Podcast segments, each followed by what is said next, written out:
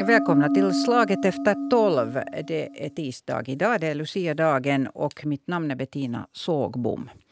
Eh, det där, jag är knappast den enda som har skottat snö i väldigt många dagar. Eh, och eh, det ska väl fortsätta lite på samma sätt har jag förstått. Och då, då har vi här på YLE reagerat på det att att det börjar komma in så här kommentarer att no just så att den där klimatförändringen som ni yrar om så, så det tycks nu inte riktigt vara så att någon har nu missförstått eh, någonting. Och, och på grund av detta bestämde jag att vi ska ha en väder och klimatdiskussion idag. Eh, väder och klimat är inte precis samma sak. Det det vet jag. Men om vi skulle reda ut det riktigt så där ordentligt. För det har jag bjudit hit Hilpa Gregov som är enhetschef för forskning eh, om väder och klimatförändringens effekter på Meteorologiska institutet i Finland. Välkommen. Tack så mycket. Och du är meteorolog och forskningsprofessor också. Precis, så, ja. det stämmer. Och Markus Rosenlund som är författare och vår vetenskapsredaktör här på Svenska Yle. Välkommen du också. Tack, tack. Hej, hej. Eh, det där Hilpa Gregov, jag börjar med att ställa dig den här frågan. Alltså, nu, nu har det sagts, eh, det sades just i nyheterna att minus 34 grader eh, uppmätts nu i vad det, Utsjoki. Mm -hmm onormalt eller normalt för den här årstiden? Det är helt normalt för den här årstiden. Ja. Mm. Och det kan vara till, till och med kallare för den här årstiden, även nu i det här klimatet som vi har. No, då frågar jag att, att onormalt eller normalt att vi har så här hiskligt mycket snö i södra Finland i december? Mm. Det... Vi kan ha så här mycket snö i, även i december. Vi har haft också. Ja. Men, men att det är en sån här kombination, till exempel som vi hade igår, så hade vi väldigt hårda vindar. Sen hade vi mycket snö mm. och så var det väldigt kallt. Den där kombinationen är, är ovanlig. Den, det är inte vanligt. Men det att det snöar mycket och sen blåser, det är vanligt här till exempel i Helsingfors.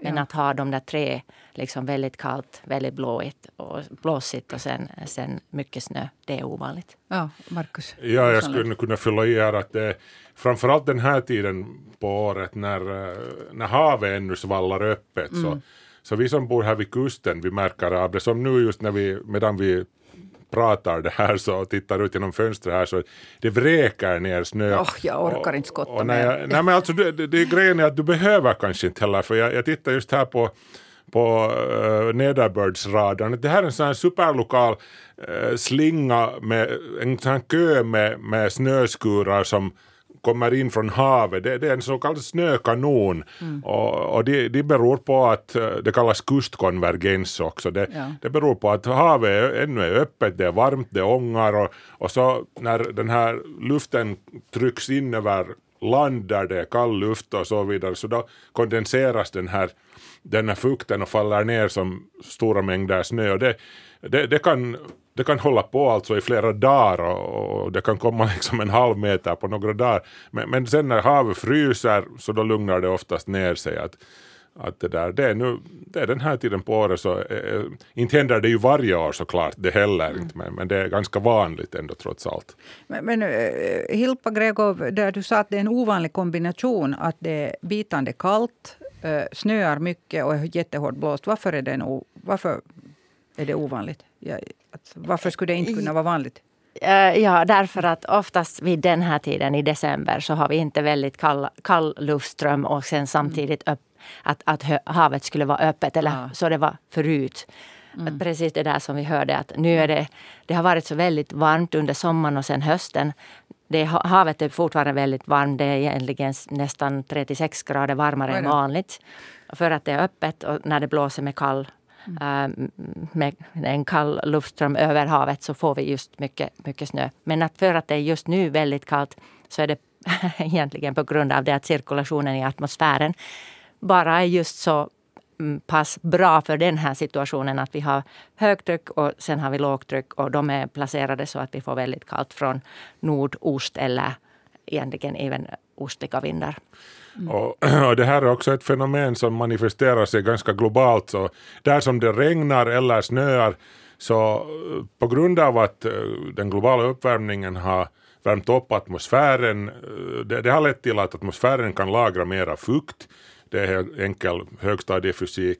Och, och, och det som går upp, så det ska komma ner i något skede. Så, så sen, där som det börjar regna, så där regnar det sen mm. på en gång mycket mera. Plus att de här vädersystemen rör det har man också mätt att de, de rör sig långsammare så, så vilken sorts väder som än kommer så det, det, det, blir kvar längre och det dumpar mera nederbörd ofta på ett och samma ställe. Det har man märkt med de här orkanerna i mexikanska golfen och ditåt, att de kan bli nu för tiden längre kvar och dum, ligga där flera dagar och dumpa metervis med nederbörd på ett och samma område. Och samma sak gäller här, bara till lite mindre skala förstås, för, för vi är ju uppe här i, nära Arktis, så, så, så luften kan inte innehålla riktigt så, så, så stora mängder med, med fukt här mm. som den kan innehålla där nere.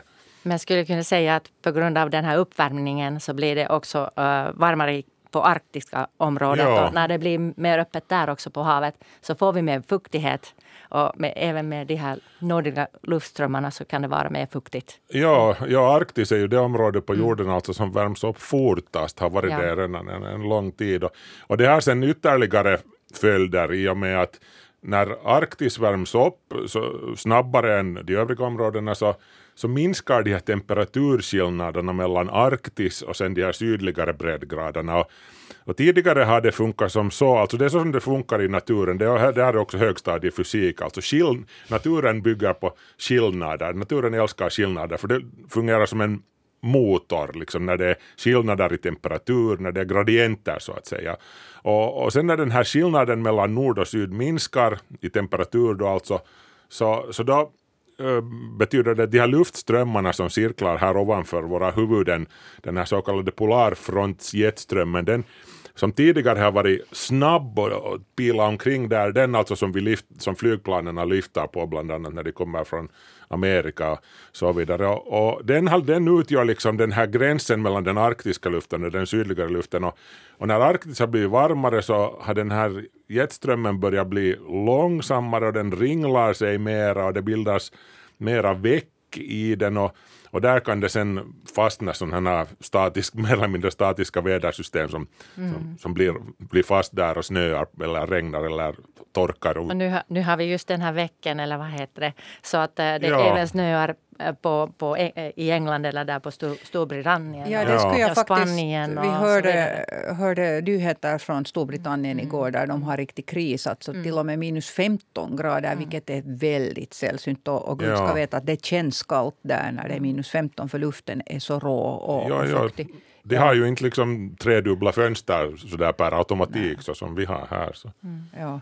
Men, men det där, eh, lika fullt så, så nu sa ju experterna här för några år sedan att, att, ah, det blir inte någon snö med i södra Finland mer. Att, att det, det kan ni eh, vinka farväl till. Att, att det blir sådana här gröna, eh, ni får sådana här Milano-klimat och sånt. Att, att det stämde ju inte. No, de sa nog inte riktigt så. Eller så är det någon journalist som kanske har tolkat dem lite frikostigt. Jag spetsar nu till här lite. ja. nej, nej, men rätta mig nu om jag har fel, men jag menar vetenskapen är ju liksom statistisk till sin natur och numerisk och, så, och så vidare. Och, och, vetenskapen liksom bollar med sannolikheter för att det ska råda en viss sorts äh, väder på en viss, under en viss tid, liksom klimatet. Då. Och, och det där, eh, forskarna säger som det är att, ja, att eh, i framtiden så ökar sannolikheten för varma och blöta vintrar. Mm. Den, sannolikheten ökar. Det betyder inte liksom att alla vintrar kommer att vara sådana. Vi kommer fortfarande att ha, ha också sådana här vintrar med, med, med kyla och snö. Uh, för, för det är liksom en lagbundenhet som vi inte riktigt kommer ifrån att Arktis, trots att det blir varmare hela tiden, så det är ändå liksom, det befinner sig i mer eller mindre permanent skugga en stor del av året under vinterhalvåret. Så det kommer oundvikligen att finnas kyla där. Mm. Och, och, den kylan kommer, den, den kanske blir lite svagare och den här polar, polarvirveln blir lite instabilare etc. Men den kommer tidvis ändå nog att rinna ner hit över oss. Och, och då och då kan, det, då kan det till och med bli mera av den här sortens väder då när det råkar vara en sån vinter när, när du har varm och fuktig luft som tränger på söderifrån och så krockar det med den här arktiska luften. Så ja, blir det så här. Och, ja, och på tal om, om, klimatförändringar, vi pratar oftast om 30 åren eller 60 åren. Mm. Men hur mm. många av er förstår vad, vad det, hur det har varit för de sista 30 åren för er? Mm. Har, ni, har ni förstått för 30 år sedan hur det ska kunna vara under de nästa 30 åren? Eller mm. nu, om vi tänker nu, hur, hur gamla är vi när, om, mm. om 30 åren? Vi är väldigt mycket, vi är 30 år äldre. Mm. Och vad, vad, kommer att hända under alla de här åren? Mm. Om vi ser att under de här 30 årens tid uh, så, så får vi det sakta varmare och det mm. kommer att hända och det blir mer sannolikt att vi får det liksom rekordvarmt istället av att få rekordkallt. Mm. Ja. Och då är det en 30-årsperiod. Det är till och med svårt att förstå vad, vad, vad, kommer att hända under de nästa sex månaderna. Eller kan vi komma ihåg vad hände just äh, i somras? Så det är väldigt svårt att liksom förstå de här tiderna. Det mm. tycker jag det är svårt för människor. Ja, det, det, hurdan, får ni mycket respons av folk som säger att, att nu var det den där klimatuppvärmningen nu när de skottar snö för sjunde dagen i sträck och, och skrapar fönsterrutor på vindrutorna på bilen. Ja, visst får vi frågor. Ja. Vi får det också på social media och, mm. och, och sådär. Men då, då, kan vi bara säga att det här, det här är visst vädret och det hör till, mm. till klimatet. Det här är nu en dag som vi har sen liksom observationer om och vi kan sen om 30 åren så kan vi se om det här var uh, exceptionellt eller inte. Mm. Och om vi har såna situationer i framtiden. Men med de här modellerna så ser vi att de här blir mindre vanliga med tiden. Och det här med tiden menar jag med 30 åren eller 60 åren. Och det är ganska lång, långsiktig prognos då. Mm. Ja, det där jag, jag skulle nu... För, för, för det är ofta när, när, man, när vi journalister återger det som forskarna säger och och när vi lånar deras grafer och så vidare bortåt så kanske vi inte alltid riktigt vi, vi kanske inte alltid riktigt förstår vad det är vi trycker upp. Eller, mm. uh, forskarna är också ibland lite otydliga själva. Och när du har en sån här kurva över hur temperaturutvecklingen, hur klimatet förväntas gå i framtiden, så, så, så, så då, jag menar för att kunna representera det i grafisk form, så man, man ritar upp ett streck som går så här uppåt. Men, mm. men liksom den här datan som forskarna jobbar med, när de sätter in den på den här grafen så, så det, de, inte ritar de upp ett streck, de sätter dit punkter som representerar enskilda år. Så det är en punkt här nere, en annan här uppe, oj det här året var det här nere. Mm. Men sen när du äh, jämnar ut det liksom, med, med Photoshop eller med, med den här Excel eller vad den mm. heter så, och, så du får den här kurvan som representerar genomsnittet, den, den här trenden, så då ser det ju sådär jämnt ut att okej, okay, om, om 20 år kommer vi att kunna odla vin i Vasa och så där vidare bortåt. Men det, men det är ju det, det är mycket mer kaotiskt än de här kurvorna kan kanske låta förstå. Mm. Precis. Mm. Men, men det är ju så här, jag, jag, tror att du har helt rätt Markus när du säger att, att vi har en tendens att ofta vet vi inte riktigt vad vi vad vi läser eller vad vi tittar på. Vems ansvar är det att, att uh, göra det här begripligt och, uh, för folk? no, nu, tyck, nu är det ju allas eh, ansvar. Det är ju journalisterna som har ett stort ansvar i att läsa in sig på, mm. inte bara liksom som papegojor upprepa det, läsa direkt från något pressmeddelande som kommer från Meteorologiska institutet. Det, det borde höras och det har väl varit någon slags sån här kurs som har ordnats med jämna mellanrum nu för journalister på, mm. på Meteorologiska institutet. Att journalister är, är ju en slags portväktare, en slags sån här liksom dörr liksom där det går information åt båda hållen. Alltså journalisterna har en, har en viktig roll men, men nu har också liksom meteorologerna och forskarna en viktig Ja, de, de kunde nog också, och jag menar det finns ju de meteorologer och de forskare som jobbar på det här, på den här outputen, på att förklara, på att liksom förklara det här åt mig som om jag var fem. Mm. liksom, för det är ibland så som det som krävs för att få, få det att gå fram. Och, och vissa forskare är bra på, alla behöver ju inte kunna det, men, men det är ju bra om, om alla de här väderinstituten skulle ha någon sån där Pekka Pouta typ som kan mm. liksom mm. riktigt förklara så här, aha, det var det mm. på det viset. Men, men sen vill jag ännu understryka att den vanliga enskilda människan, du där ute som lyssnar på det här, nu har du också ett litet ansvar här i att läsa på lite och, Och det är inte, de här sakerna kommer inte trillande ner i huvudet från, från, från himlen utan man måste nog lite äh, oppia ikä kaikki liksom. Mm. Att man, man får nog i en föränderlig värld där allting förändras hela tiden så man får nog lite, får nog lite kavla upp ärmarna och, och läsa in sig på det som händer. Mm. Jag skulle kunna säga om det här snön och ja. situationen just nu för ett år sedan så var jag på en kurs och, som en lärare och skulle hjälpa till snötekniker. För de hade problem med det att det finns inte tillräckligt med snö. Så för ett år sedan mm. var det så. De var väldigt oroliga över det. Hur blir det i Finland? Och i Finland så har vi visst, liksom, vi har de äh, liksom, vädersituationer i norr och i västra delen och östra delen och södra delen. De är helt annorlunda. Ja. Även nu. Mm. Så visst, liksom när vi pratar om klimatförändringen, alla tänker på just den där platsen som, där de bor eller där mm. de gör sin business eller sådär. Och det är också väldigt krävande även för forskar, forskare att, att forskarna att, att berätta just för dig som bor till exempel i Vasa. Vad, vad ska du få med klimatförändringen just för ditt område? Och det där behöver vi mycket mer. Att vi verkligen går på de här lokala skillnader och börjar liksom tänka på den där staden eller vad det är för yrke du har. Hur påverkar det dig med ditt yrke och ditt yrkesliv? Så det, det är väldigt mycket mer kommunikation som vi behöver. Vad är snötekniker? Uh, de som till exempel gör spår eller med, med back, okay. de här backarna. Att, Pist, att vi ska kör kunna, pistmaskiner och, ja, och sånt ja. ja. Ja, okay. så de, de verkligen liksom behöver lära sig hur, hur snön uh, beter sig. Hur, hur det um, när det första snöat, vad ska man göra med den för att få den bästa, det bästa spåret för skidåkarna och så vidare. Så ni gör sånt också, ja, ja. ni meteorologer? Ja, ja, ja. ja. Undervisning till överallt. Att vem som frågar så får. Ja. Hur är det med de som kör plogbilarna? Gör ni någon slags coaching åt dem också? Ja, några meteorologer ger coaching också, också för dem. Och, och vi, gör, vi forskar olika situationer i olika städer och försöker hjälpa till att, att man ska förstå att vi behöver ju de här bilarna, plogbilarna och vi behöver liksom infrastruktur för vissa, vissa situationer. Men det är en vi, vi vet inte hur, hur det liksom, hurdana beslut man då fattar efter det att vi har berättat att mm. de här mm. situationerna egentligen fortsätter och ni ska ändå vara beredda på det här även om det kanske inte varje år vi får mycket snö. Ja, mm. så sånt är det. Men, men när ni sa att, att, alltså att, att det här jag var noga med att påpeka här i början, för det är det man alltid säger att man ska inte blanda ihop väder och klimat, men klart de hör ju ändå ihop mm. på något ja. sätt. Mm.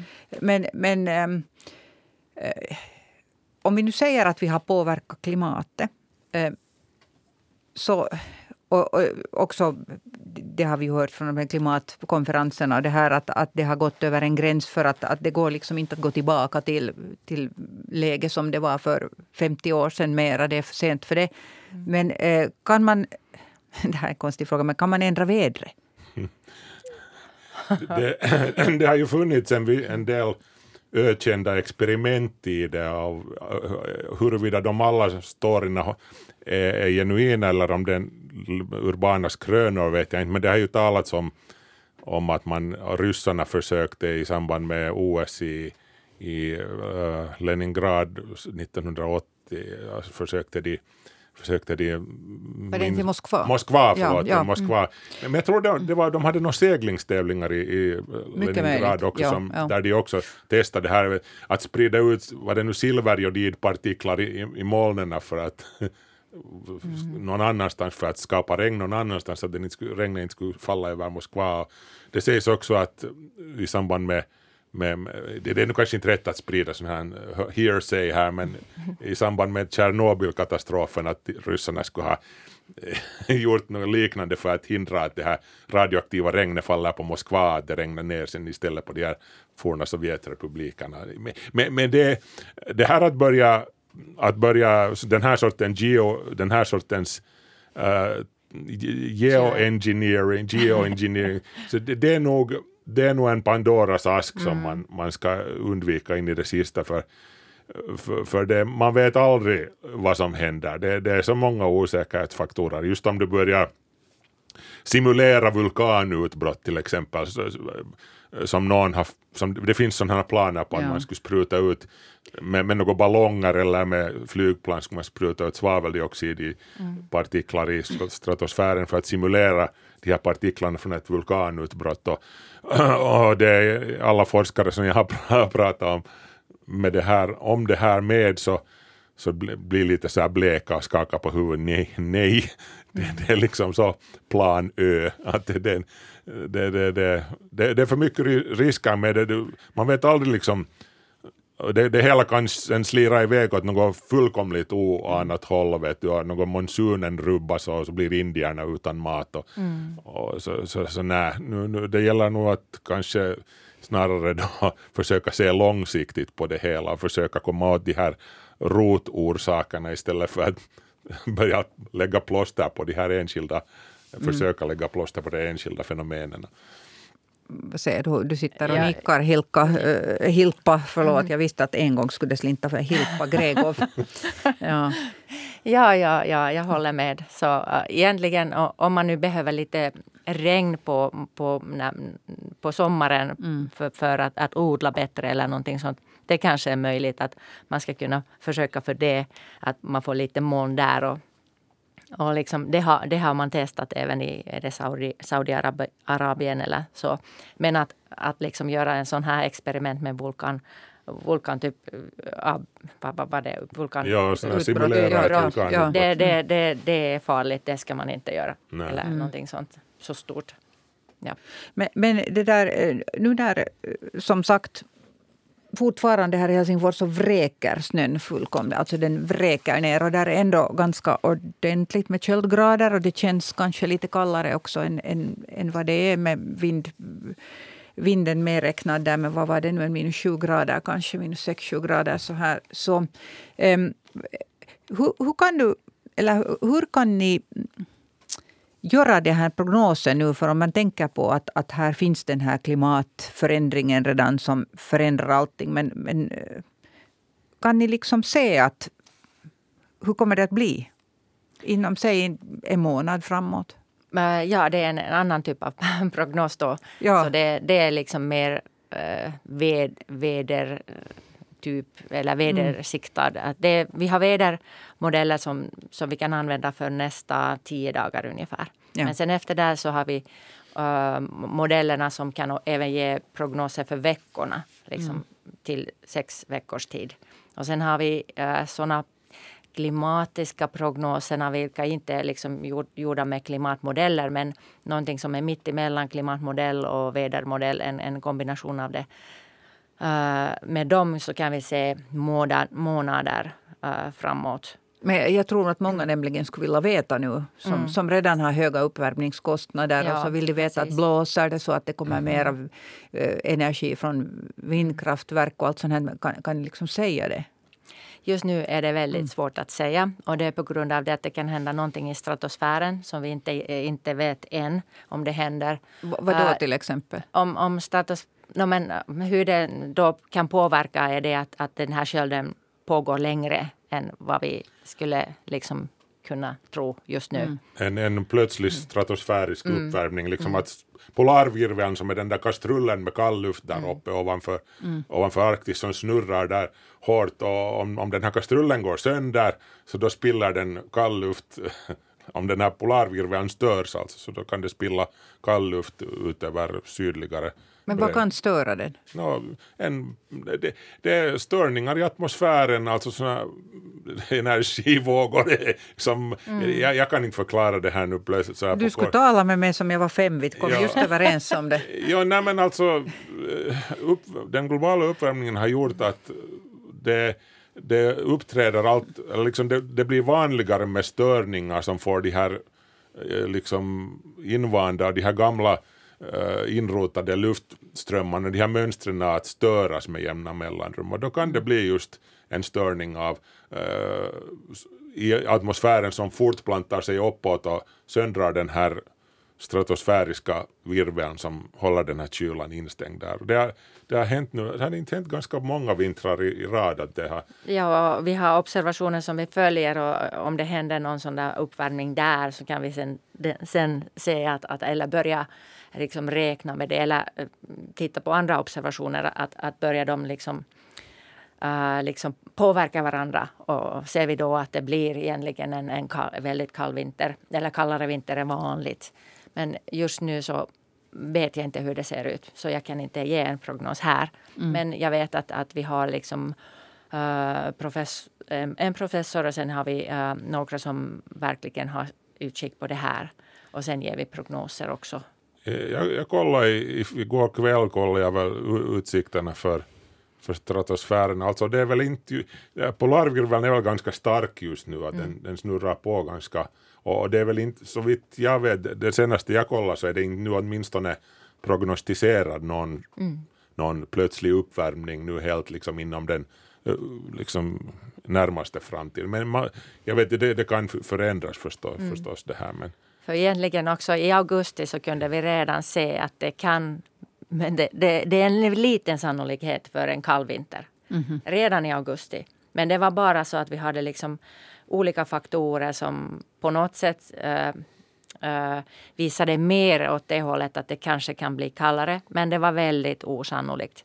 Så därför kan man inte liksom säga det. Det är bara, bara fak uh, olika faktorer som, som man kan säga okej okay, om det här då pågår då kan vi säga vi, vi borde följa det här och möjligen blir det. Men till och med i oktober tycker jag när, när vi då gick ut med några prognoser så kunde vi inte se att det blir liksom den här situationen. hur, hur är det Hilpa, nu har vi ju redan haft en bra tid, en La Nina på gång i Stilla mm. havet, alltså utvattnet i, i vad blir det, östra Stilla havet är kallare än normalt. Och, hur, eller det har varit, var det än så eller hur? Ja, la, la, ja, ja, nu nästa år. Så. Alltså kallare än normalt? Ja, alltså när det är La Nina som råder så då är det här utvattnet i det, i liksom den här Amerikas mm. sida av Stilla mm. havet, då är det kallare än normalt. Okay. När, det är, äh, el, när det är El Niño så är det mm. den motsatta okay. situationen, mm. då är det varmt vatten i denna och sen kallt vatten i andra änden av Stilla havet. Det här påverkar sen vädret egentligen på hela jorden på ett eller annat sätt. Men men hur är det, nu, nu har vi haft alltså en La Nina på gång ganska länge. På tre år. Tre år, ja. ja. På tre år, ja. Precis, och det, och det, är ju ganska, inte det nu helt exceptionellt, men, men det är mm. nu i alla fall inte, inte helt vanligt heller. Mm. Hur, hur, hur påverkar det här, finns det någon regelbundenhet här, hur det påverkar ved, vinterväder här hos oss? Det har en liten sån där teleconnection men, men det, är inte, det är inte väldigt enkelt att, att se hur, hur den här konnektionen eller vad heter det, mm. hur, hur det är. Men att nu, nu går vi ändå åt, åt det här Enso eller El Niño-fasen nästa år. Ja. Och, och det, att vi har också det här NAO-negativa, uh, vilket är no, no, no, North Atlantic Oscillation. Vi, vi har ju det. Så, så, ibland när det är samtidigt uh, den här La Niña och NAO NAO som är väldigt negativ så kan vi ha liksom mer kanske extrema situationer överallt i världen. Nu blir det vetenskapligt. Okay, Femåringen ber om... Ja, men, det, men alltså... det är såna, såna, såna situationer med havet och med atmosfären ja. som om de samtidigt äh, äh, händer eller det mm. pågår mm. någonting sånt samtidigt så kan det bli mer extrema fenomen överallt i världen. Ja. Uh, när NAO, NAO, North Atlantic Oscillation, när den är negativ, det, det, är alltså en sån här kurva som går upp och ner mm. också, det, det, den pendlar mellan negativt och positivt och mm. nu är det negativt. Och det, när NAO är negativ så då har vi eh, den situationen att, eller ska vi se, vi tar det först den här vanliga situationen. Den vanliga situationen är att det, det ligger ett stort fett lågtryck över Island. Som, och lågtryckerna snurrar ju så här mot nej, vad blir det, moturs ja, på, på norra halvklotet. Så det är som ett kugghjul det här lågtrycket där över Island. Uh, och sen har vi ett annat kugghjul, det här stora högtrycket ner över Azorerna. Mm. Där ligger ett stort fett högtryck. Det är liksom den här normal situationen. När, när, när den normalsituationen råder så då är NAO po, på plus positivt.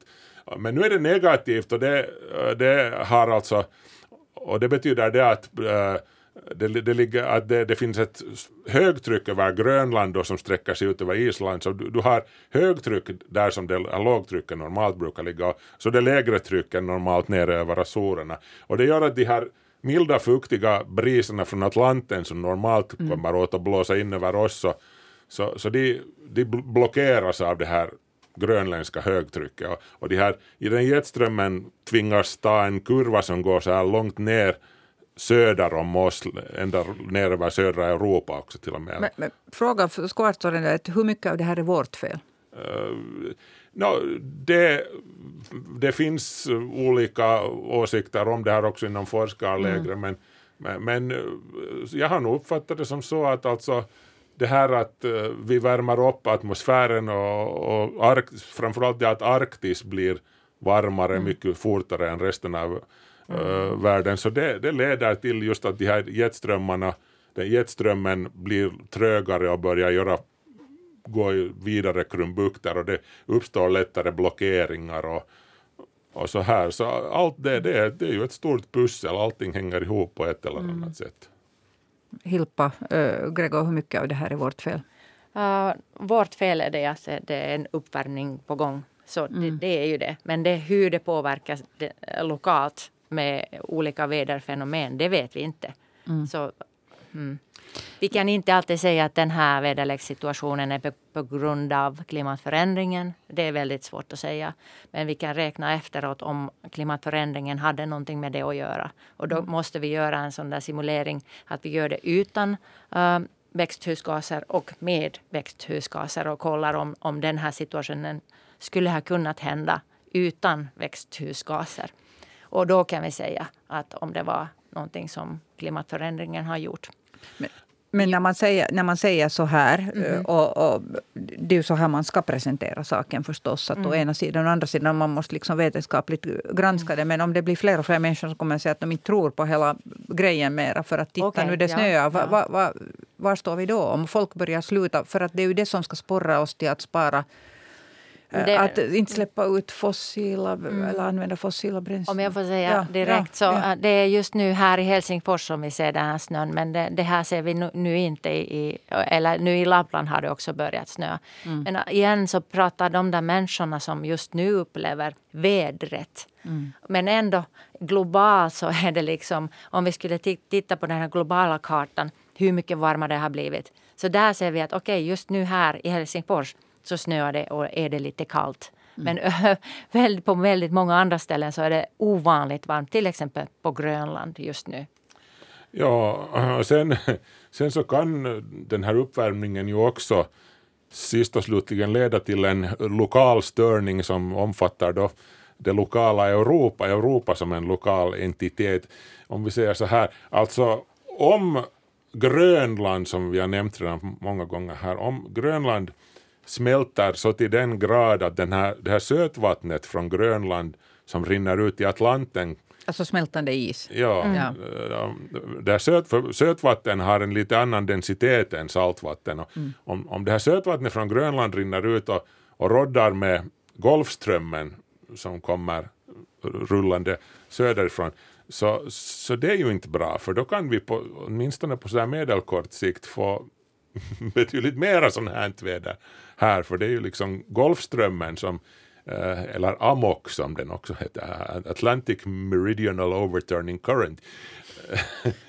för det är ju den som gör att vi överhuvudtaget kan leva här på de här breddgraderna. Det, det borde ju inte ens vara möjligt att bo här, för om du ser på Sibirien och på samma breddgrad mm. eller Alaska så det, det borde ju vara svinkallt här. Men, men det här är också en, ett, en pusselbit i hela det här klimatpusslet som, som vi håller på och roddar med. Och, Ja, det är bara några modeller som ser att det skulle kunna bli kallt. Men sen mm. de flesta, så om vi har 40 modeller, globala modeller som vi simulerar eller ja. kan titta på, så är det bara en enstaka eller, en, en, eller är det två modeller som ger en, en sån här kallare signal. Men även det har vi alltid kopplat till våra liksom, prognoser eller det här när vi, när vi ger en utredning om hur, hur det ser ut i framtiden. Nu, nu firas det idag Lucia på många orter i Finland. Om vi avslutningsvis skulle titta på kvällens väder så här när folk vill gå ut och titta på Lucia. Det brukar vara där kring klockan fem, sex tiden. Så där mörkt och stämningsfullt. Och så här. Nu har Markus på, Markus ja, Rosenlund bläddrar på sin telefon. Kanske någon har det så där i huvudet. Vad, vad liksom, snöar det då? Eller vad, kan vi, är det en likadan sån här snökanon i kuststäderna på gång då? Eller? Är det inte klockan är det fem det börjar? Man minns inte fem, sex tiden. Ja, jag, ska vara, mm. jag ska vara där och fota så jag och borde vet, veta det. Och du vet inte. men, ja. men enligt, enligt det, vad heter det, alltså, Meteorologiska institutets uh, prognos så ska det vara eh, nog då eh, risk för snö men, men ganska lite 0,4 millimeter på en timme så mm. det ska bli så här lätt snöfall och, och vind mellan 2 och 3 meter i sekunden. Ingen hård vind. Mm. Så, så, ganska så här behagligt, behagligt vinterväder trots allt. Minus 8 så det är ganska kallt nog. Mm. Så ja. Hilpa Gregov nickar här så jag antar att du har koll på vädret. Ja det stämmer det här. Jag läste direkt från meteorologiska. det, det, det, var det bästa man kunde göra. ja, ja okej. Okay. eh, jag tackar er båda för att ni kom hit och, och, och satt lite ljus på det här. För att, att som sagt, så det, det, man ser mycket kommentarer nu på social media och, och, och folk hör sig också av till Säg till, till Yle och säga att var är den där? Andra vintern i följd Så därför tyckte jag att det var bra orsak att reda ut det här idag när folk börjar fråga att var är den där klimatuppvärmningen med de gröna vintrarna? Mm. Eh, Markus Rosenlund som är vetenskapsredaktör och författare var det som deltog i diskussionen idag och Hilpa Gregov som är meteorolog och forskningsprofessor och eh, enhetschef för forskning av väder och klimatförändringens effekter på Meteorologiska institutet. Värst vilken lång titel det var. Eh, en god fortsättning på dagen, på Lucia-dagen önskar jag alla er som lyssnar och njut av, av Lucia i mörkret.